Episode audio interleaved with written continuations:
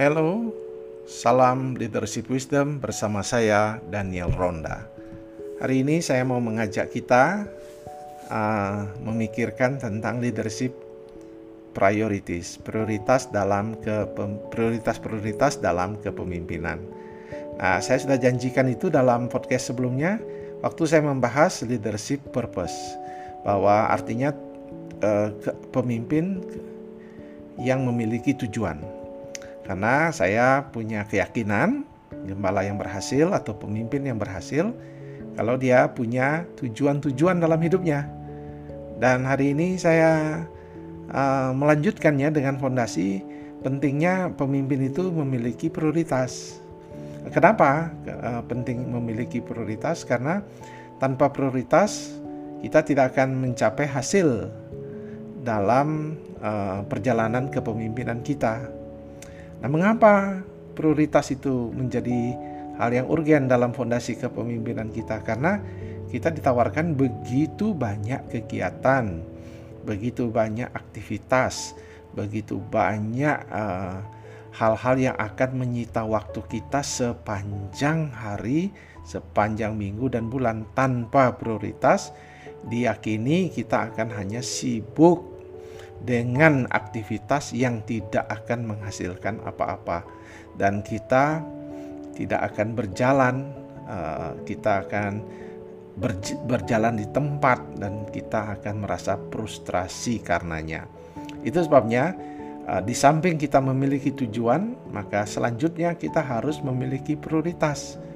Dan prioritas itu didasarkan pada tujuan kita. Misalnya hal-hal yang akan membuat saudara uh, susah dalam uh, kepemimpinan saudara, misalnya uh, banyak tawaran kegiatan, seminar, pelatihan, uh, banyak sekali.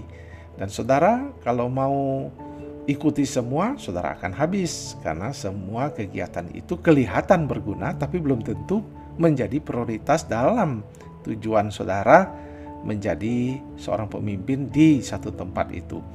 Ada banyak kegiatan seminar politik, seminar kesehatan, seminar uh, pertumbuhan gereja, seminar khotbah dan sebagainya. Saudara harus memilih mana yang menjadi prioritas. Nah, itu uh, yang menyebabkan banyak orang tidak efektif karena terlalu banyaknya tawaran di sekitar kita.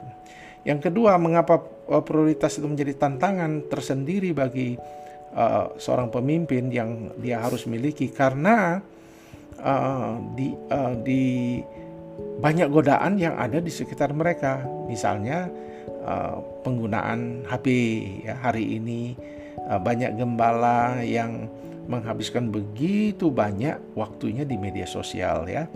Berjam-jam di Facebook, di di WhatsApp, di terus jadi tanpa ada tahu mengatur waktunya. Nah, ini menjadi tantangan tersendiri. Ada banyak godaan yang membuat kita akhirnya uh, terjerumus kepada kegiatan-kegiatan yang tidak menghasilkan apa-apa. Dan memang rasanya nyaman dan tenang dan enak, tetapi uh, kita tidak pernah mem memiliki pencapaian apa pun. Dan yang ketiga tentu ada tantangan budaya yang menyebabkan saudara uh, juga menjadi masalah. Nah, banyak di daerah-daerah itu tantangannya adalah uh, tak banyak tamu tak diundang ya. Tiba-tiba datang ngajak ngobrol dan bisa berjam-jam ngobrol. Dan itu ada dari bisa dari pagi sampai siang ngobrol tanpa kerja dan itu menjadi tantangan tersendiri bagi uh, para pemimpin karena dia tidak bisa menolak orang yang datang ngajak ngobrol dan seterusnya. Jadi ada tantangan banyak kegiatan ada ada godaan ada juga uh, tantangan yaitu budaya. Nah uh, di dalam kita menetapkan bagaimana cara kita menetapkan prioritas dalam kepemimpinan kita. Ada beberapa cara. Yang pertama, uh, tetapkan mana di hari itu atau di minggu itu mana yang kegiatan-kegiatan yang urgen sangat mendesak dan penting, mana yang penting dan mana yang biasa saja. Jadi kita harus sudah tahu yang penting dan mendesak misalnya ya orang meninggal kalau saudara jadi gembala itu atau orang yang tiba-tiba masuk IGD itu harus diprioritaskan. Kemudian hal yang penting belajar dan seterusnya. Hal yang bermain misalnya menjadi per, uh, skala atau ngobrol menjadi hal yang biasa. Tetapkan mana yang urgen, mana yang penting, mana yang kegiatan biasa. Nah, itu harus dilatih ya, ya.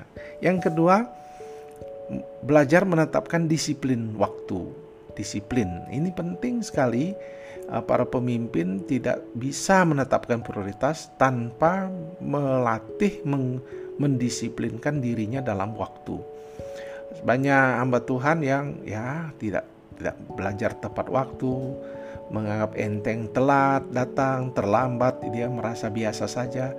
Ingat punctuality, ketepatan waktu, disiplin penggunaan waktu adalah hal mendasar, fondasi penting kalau saudara ingin menjadi pemimpin yang berhasil.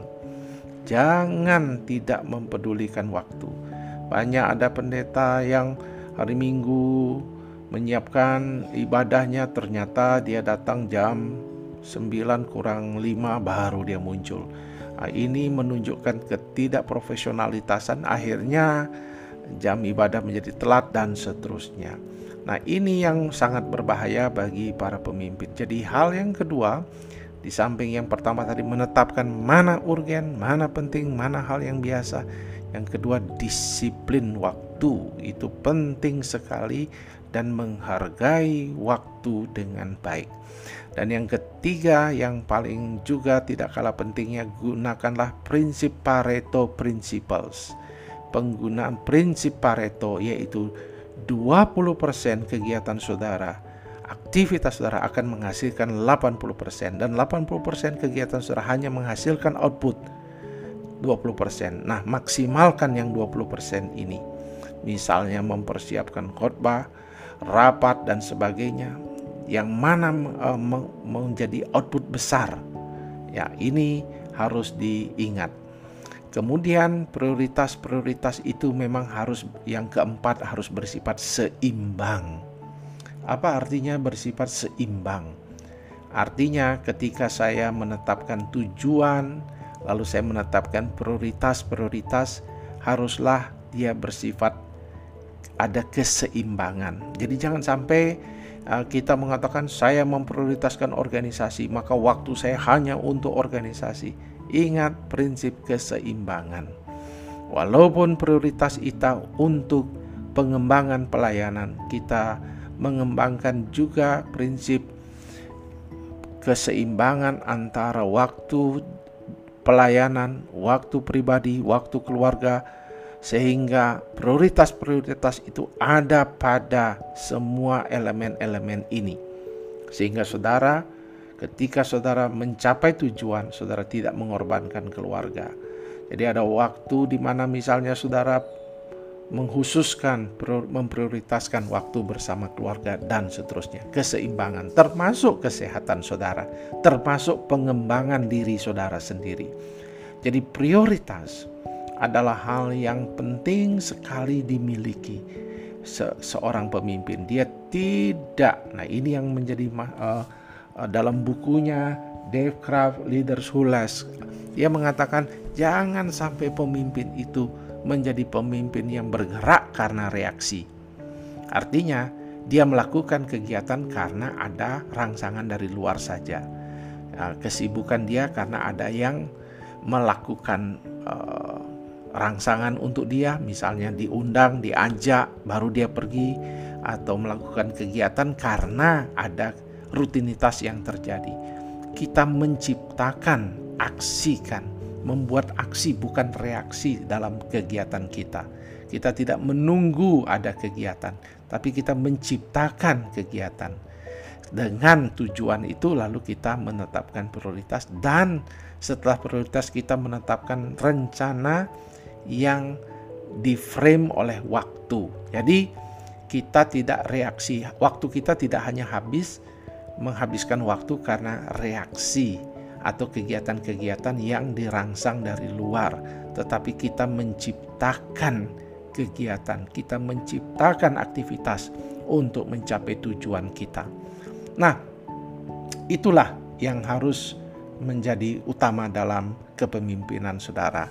Jadi sebagai pemimpin saya berharap saudara di samping menetapkan tujuan, jangan lupa miliki prioritas di dalam kepemimpinan saudara. Selamat merayakan kepemimpinan dan mempraktekkan prinsip-prinsip kepemimpinan ini. Tuhan memberkati. Salam.